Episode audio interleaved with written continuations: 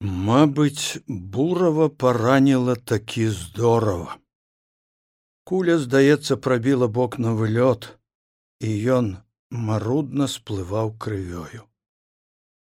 Прытомнасць яго знікала, растварылася ў болю, які нястерпнай пякельнасцю запаліў цела, сэрца захліпнулася, і ён праваліўся ў пакутны свет зданяў. Аднак ты яго пакуты ў непрытомнасці былі зусім іншыя, чым наяве. Там ён трываў болей душэўна, а фізічна адчуваў сябе хіба дашчэнту знямоглым, з ватнымі нагамі, такімі ж пазбаўленымі сілы рукамі. Аднак ён трымаўся імі за край кузава сваёй палутаркі, якая кацілася пад адхон па дарозе да залескага возера, дзе быў масток цераз пратоку ў другое меншае возера. Да ўся бяда ў тым, што масток той знік.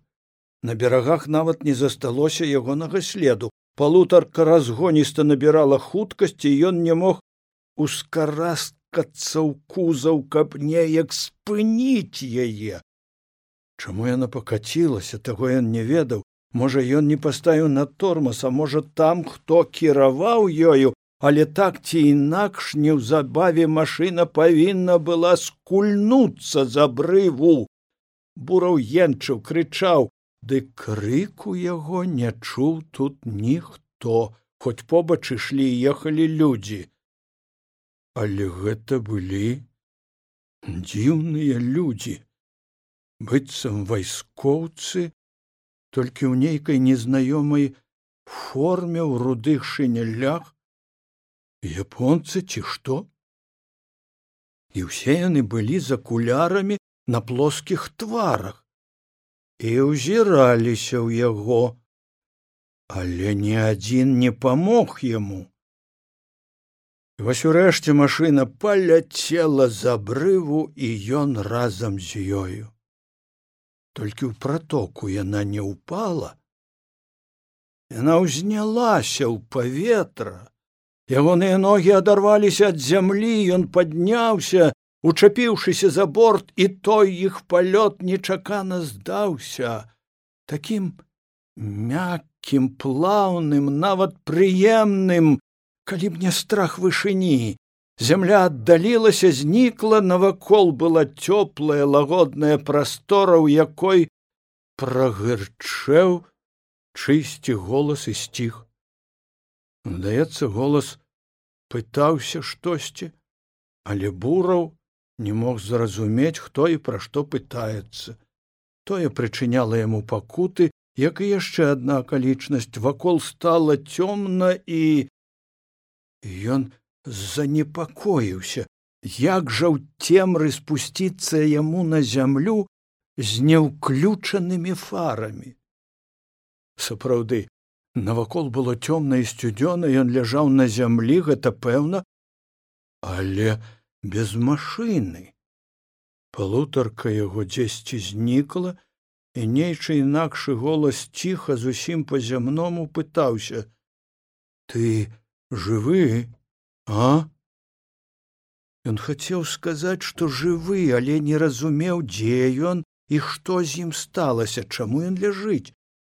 І хто гэта побач? Здаецца павінен быць войцік з ім жа яны паехалі у масцішча. Нашто яны ехалі ў масцішча? А забіць здрадніка яны здаецца яшчэ і цяпер едуць. Толькі чаму так цёмна?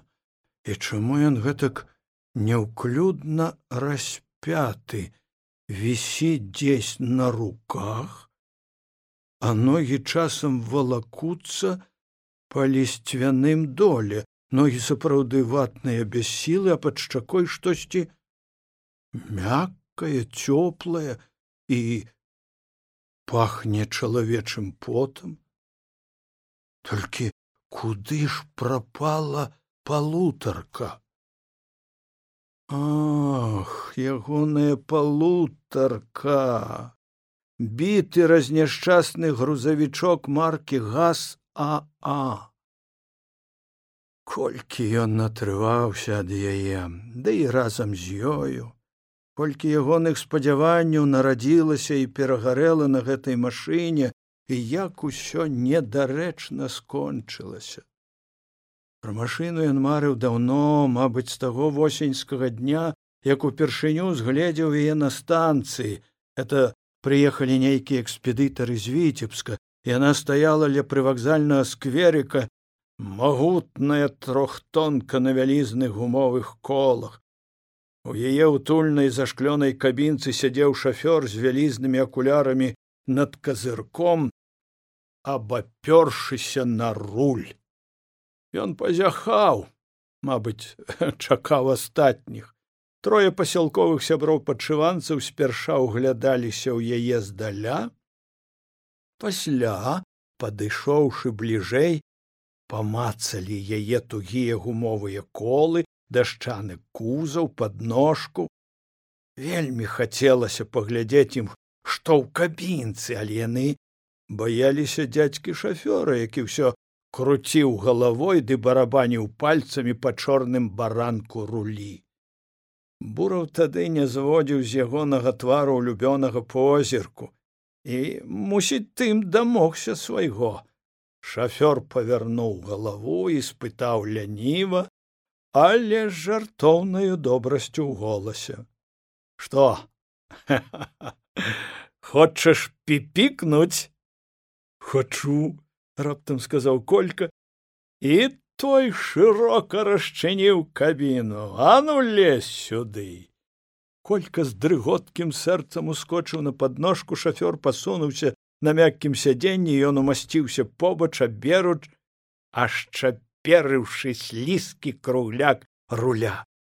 Яму ўжо ўявілася што яны едуць далёка і шпарка і побач зяюць у захапленні хлапечыя позіркі усе шалена зайздросцяць яму а тут яшчэ шафёр кажа а ну ціскані гэта і паказвае на чорны гузачок пасярод руля колька ціскануў і зараз жа скалануўся ад нечаканага рыку што пагрозліва раздаўся ў жалезным нутры машыны. Шафёр засмяяўся паляпаў яго па плячы не палохайся падрасцеш на шафёра вывучышся кольку бурава нібы падмянілі ў той лістападаўскі дзень. Аўтамабіль для яго стаў марай. Ён пільнаваў кожную машыну на вуліцы, хоць іх было яшчэ мала, і яму яшчэ мо разы чатыры шчасціла бачыць іх пераважна на станцыі ля грузавога двара.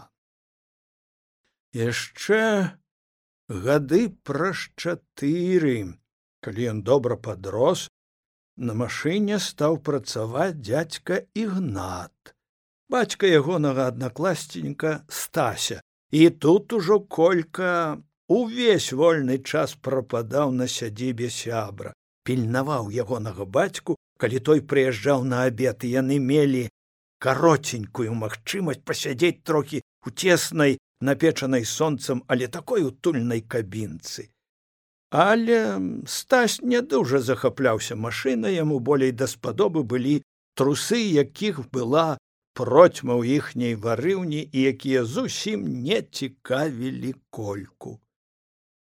І калі неяк летам дядзька ігнат узяўся за рамонт свае трохтонкім, яго першым добраахвотным памочнікам стаў колька. Спярша ён адціраў ад гаразі рысоры, пасля мыў у газе балты і гайкі памагаў дзядзьку ігнату разбіраць задні мост дзе падтрымаць ключ дзе падаць шплінт і шайбу а то і падлезці дзіцячай рукой туды дзе не пралазіла рука дарослага чалавека затым яны тыдзень корпаліся ў рухавіку і дядзька ігнат тлумачыў хлопцу навошта патрэбны шатуны і поршні і як яны круцяць каленчаты вал, як перадаецца ягоная энергія на колы, адкуль і куды ідзе электрычнасць і як яна запальвае гаручае ў цыліндрах. Коля быў хлопец кемлівы і запамінаў усё да драбніц. Слава Богу, тады ўжо вучыўся ў сёмым класе. Праўда, затым у яго шафёрскай адукацыі настаў перапынак. Аж гады тры ён рабіў у леспрамгасе.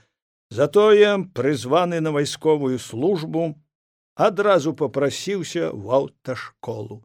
Сказаў камандзіру, што ведае будову аўтамабіля, трэба толькі навучыцца ездзіць. Камандзір трапіўся добры месяцы праз чатыры маладога чырвонаармейца бурава залічылі ў аўташколу, дзе ён паказаў найлепшыя здольнасці і па сканчэнні атрымаў шафёрскія правы і па два трохкутнічкі ў пятліцы.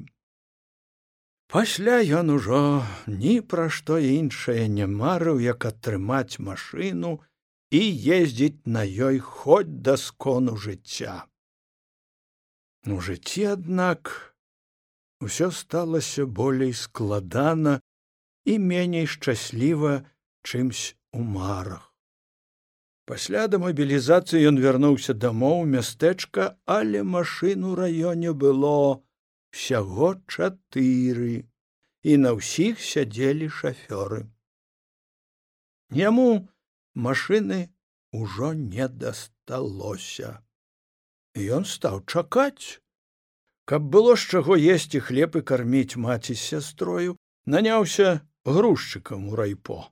Там ён згод цягаў мяхі і скрынкі, нагружаў і разгружаў свае гарадскія машыны, а неяк увосень часова падмяніў на трохтонцы хвастова, калі той захварэў яго старэнькая амо засталася без вадзіцеля. Але хвастоў неўзабаве паправіўся, і бураў зноў мусіў падацца на прыклы яму склад грузіць нарыхтаваную за лета кару лазы і крушыны. Ён чакаў парта і настойліва з роспаччу і надзеяй, аж пакуль аднойчы пад восень старшыня райпо пад абед не паклікаў яго ў кантору і не загадаў ехаць у віцебск на станкабудаўнічы. Рабочыя шэфы выдзелілі райпо грузавы аўтамабіль. Выправіўшы дакументы бураў нібы на крылах паляцеў віцебск. З вакзала на завод ён ішоў пехатой і быў нібы ў тумане ад радасці, не заўважаў ні гарадскіх дамовак, ні трамваяў, ні пешаходаў, Ва ўяўленні яго ззяў такі новенькі зграбны грузавічок, што ён гатовы быў несці яго на руках да свайго райпа.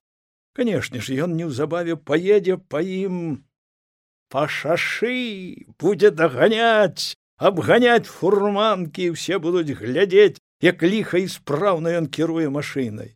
Не, вядома ж, ён не ліхач, Ён не будзе ганяць машыну без толку, ён будзе ашчаджаць рухавік, не перакручваць яго, божа барані, не пераграваць.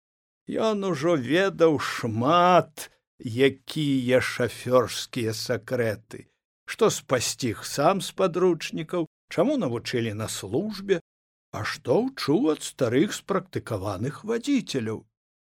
Ён толькі баяўся, каб не адбылася памылка, каб на заводзе не завярнулі яго назад, Ён ужо ведаў, што могуць прыдрацца да дакументаў або сказаць, што спазніўся, і аўтамабіль перадалі каму другому, якой іншай арганізацыі ці калгасу. Памылкі, аднак не адбылося.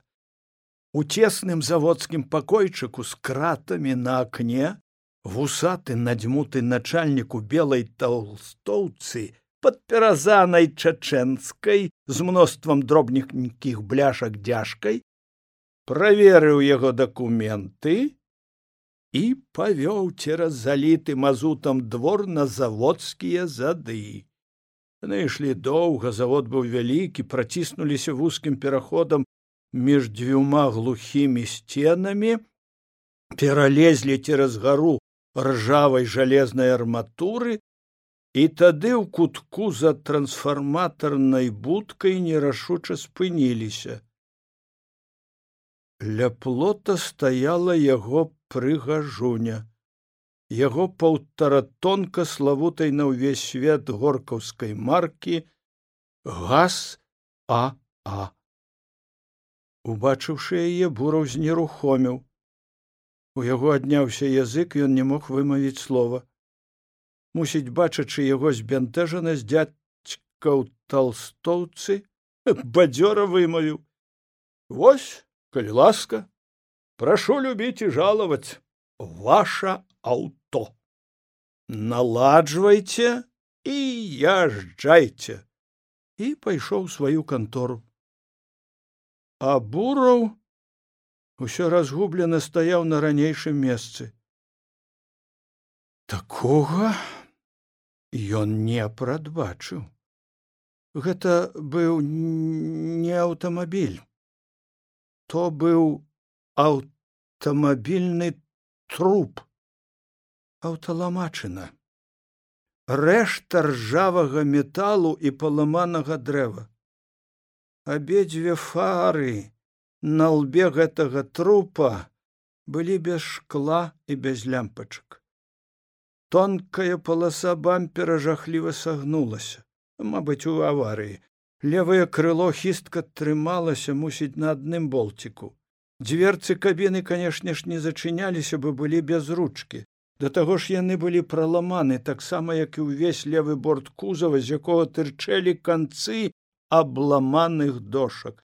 Брудныя скаты на палову сплюснуліся без паветра ў кабіне валялася на падлозе завадная ручка побач з пустою бутэлькай на абадраным сядзенні ляжаў хвост селяца ў парудзелай ад сонца паперыня шкала спідометра была выдрана з мясам аголеныя правады віселі пад рулявой калонкай убачыўшы ўсё тое бураў ледь не заплакаў ад расчаравання пакратаў тугі абаранак руля думаючы што нікуды яму адсюль не крануцца што гэтую дэрбіну можна хіба парэзаць аўтагенам ды здаць ва ўтыль ён падняў палавінку капота зазірнуў на замаслены запылены рухавік які не праціралі мабыць з часу яго ўстаноўкі на аўтамабіль свечы аднак былі ўсе на месцы у радыятары нібыта штось пляскалася трохі падкачаўшы бензіну ён уставіў ручку храпавік каленвала дужа крутануў раз другі трэці і во дзіва на чацвёртым павароце рухавік падхапіў абароты затросся зачхаў бураў таропка павярнуў рычажок дросселю і поршні захадзілі весялей. Падобна рухавік завёўся. Аднак яго шафёрская радасць была заўчаснай. Неўзабаве абароты пачалі змяншацца рухавік затросся затузаўся і заглух і колькі затым бураў не круціў ручкай аж змакрэла спіна як не тузаў падсос рухавік не азваўся маўчаў нічога з ім нельга было зрабіць. Увесь той дзень да вечара ён корпаўся ля машыны падкачаў колы прыбраў кабінку. Над вячоркам пайшоў у кантору прасіць якую машыну ну каб адбуксіраваць палутарку ў раён. У канторы не было нейкага начальніка, ды і канчаўся рабочы дзень, стомлены і згаладнелы ён пераначаваў на абадраным сядзенні ў кабіне. І толькі назаўтра ранкам да яго задам падсунуўся чатырохтонны яс, які ўзяў яго на буксір пакуль яны выехалі з горада і затым паўзлі па шашы бураў змакрэў ад поту. За рулём гэтае свае дэрбіны ад стомы і хвалявання.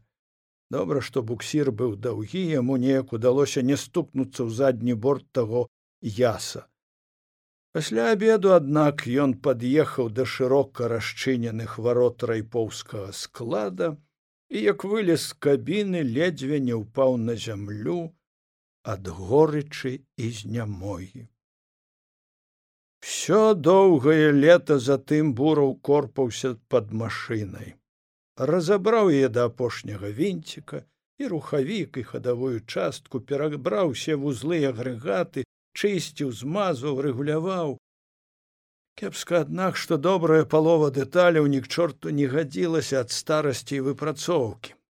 Трэба было мяняць але дзе было ўзяць новыя разоў дзесяць ён ездзіў у віцебск усё на той жа станкабудаўнічы завод ездзіў у оршу да знаёмага чыгуначнага начальніка замяніў задні мост які райпост да было аж у пагран атрадзе за полацкам. Мост гэты таксама быў далёка не новы.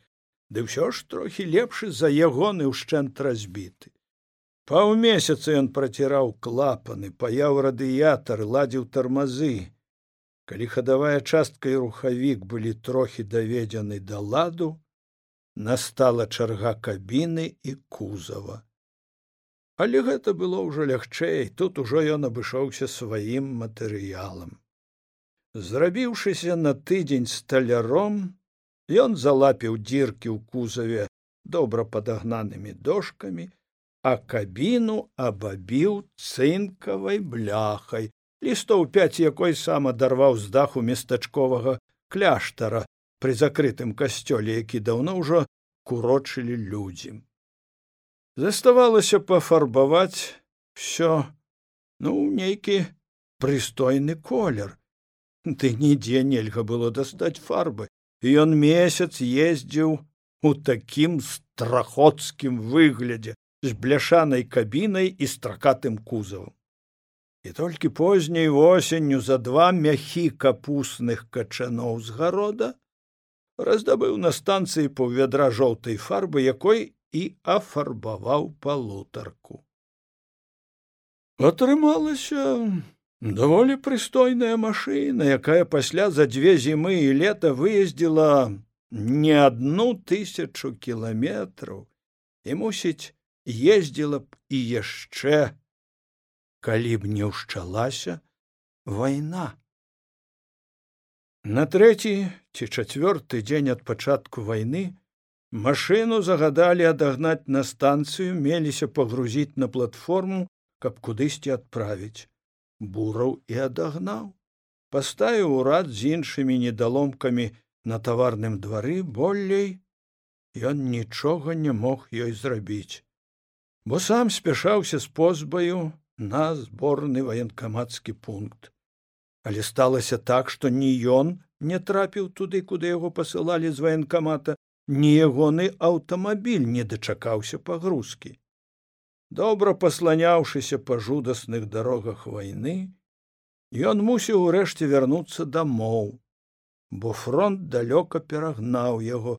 Мястэчка занялі немцы начальнікам над раёнам паставілі нядаўнага бухгалтара шалькевіча які стаў называцца бургамістрам. Хутка арганізавалі паліцыю што размясцілася ў новым памяшканні раённай бальніцы там жа ён убачыў аднойчы і сваю гаротную палутарку на якой цяпер раз'язджалі паліцаі. А за яе рулём сядзеў малодшы мікіцёнак што вучыўся ў школе адначасна з буравым толькі ішоў на тры класы пазней.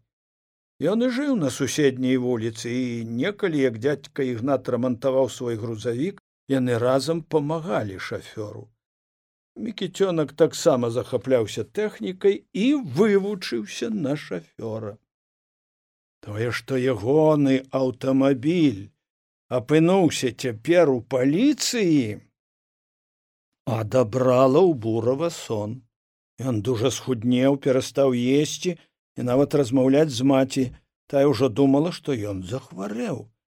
Але сын быў здаровы толькі ён тыднямі ламаў сабе галаву як адпомсціць паліцыі ды і гэтаму мікіцёнку таксама. Сотні варыянтаў помсты пракруціў ён у сваіх мазгах але ўсе яны былі з бракам. То надта дробязныя то смешныя то занадта небяспечныя то зусім яму не па сіле але ўсё роўна ён думаў прыкідваў прымерваўся назіраў. Мабыць у снежні ён ужо ведаў пэўна што зрабіць належала толькі выбраць здатны для таго час. Это мікіцёнак з машынай у будні і святы прападаў паліцыі. Ноччу машына стаяла на бальнічным двары. Там была варта туды падступіцца было немагчыма. На дарозе таксама ён нічога зрабіць ёй не мог. У яе кузаве заўжды сядзелі паліцаі з вінтоўкамі. Мусіць у паліцыі была жорсткая дысцыпліна. Канешне немцы ўмелі наводзіць парадак ды ўсё ж бураў колькі разоў заўважаў што мікіцёнак калі-нікалі на кароткі час прыязджае дадому заглядвае да бацькоў. Машына тады стаяла ці каля веснічак на вуліцы ці ён заганяў яе ў вароты. За варотамі вядома яе не дастаць. Там бразгаў ланцугом звяглівы сабака. А вось ля веснічак. Але гэта трэба каб было цёмна каб яго ніхто не ўбачыў ні праз акно ні з вуліцы. І ўвесь канец восень ён сачыў ранку як паліцаі выязджаюць куды на раёна ўвечары калі вяртаюцца. У двары за хляўком ён прыладзіў да сцяны драбіну каб хуценька ўзлезці па ёй на страху зірнуць цераз садкі на суседнюю вуліцу дзе бачны быў вугол мікіцёнкавай хаты Ён ужо даўно падрыхтаваў добры квач на драціне, каб дастаць з бака бензін, ашчадна прыхаваў пад страхой паў карабка запалак. Аднаго разу ён аж закалаціўся ад радасці, калі неяк на змярканні згледзеў машыну ля мікіцёнкавай хаты, але мусіць ён позна ўсё ж згледзеў, пакуль бабег пуньку і пералез цераз суседаў паркан, Там ужо з'явіліся людзі, два паліцаі прыкурвалі каля веснічак, а мікіцёнак нядоўга пакорпаўся пад капотам, апусціў яго і яны хутка паехалі некуды. Ён спазніўся. Другі раз у кузаве нехта сядзеў, мусіць чакаў шафёра, які ненадоўга забегся у хату. Затое трэці раз. Ён згледзеў сваю гаротніцу ў самы спрыяльны час тады ўжо вечарэла ён еў бульбу за сталом у хаце і ўсё пазіраў в акно дзе між мудынін на суседняй вуліцы мільганула прыцьмелае святло фары. Ён зразумеў што гэта мікіцёнак. Кінуўшы на стале недаедзеную бульбу ён рынуўся з хаты падхапіў квач у сенцах выхапіў з-пад стрэша запалкі цераз заснежаны і заліты памыямі сметнік выбег на гарод пералез адзін плот пераскочыў другі прабег за дамі суседняй сядзібы і з-за паркана паглядзеў на вуліцу машына стаяла пасярод дарогі якраз насупраць мікіцёнкавай хаты у двух вукнах якой. Ліпела святло газнічкі і бураў наважыўся. Ён не так зразумеў але адчуў інстынктам што болей зручнага выпадку не будзе. Гэты самы зручнейшы. Буру пераскочыў цераз паркан кінуўся да машыны. Бензінавы бак якраз быў з гэтага боку таму праз акно з хаты яго ніхто згледзець не мог. Заснежаная вуліца ўся патанала ў пазмроку. Хоць чалавек на ёй быў бачны здалёк але ніхто нідзе не ішоў і не ехаў. Мураў з усяе сілы крутануў з гарлавіны тугаватую накрыўку бака ведаў яна заўжды адкручвалася туга і сунуў туды свой абкручаны пакуллем квач. Шкада бензіну было няпоўна мусіць палавіну бака. Ён адчуў гэта боўтнуўшы квачом і выцягнуўшы яго да паловы церануў запалку пэўна ён усё ж хваляваўся. Першая запалка згасла згасла і другая тады ён узяў з карабка іх некалькі разам і запаліў. Калі запалкі добра ўспыхнулі, ткнуў імі ў квач, той ярка пыхнуў у самы ніз кузава жарам ударыў у твар, абпаліўшы бровы, але бура ўсё кінуў з рук і рынуўся цераз плот.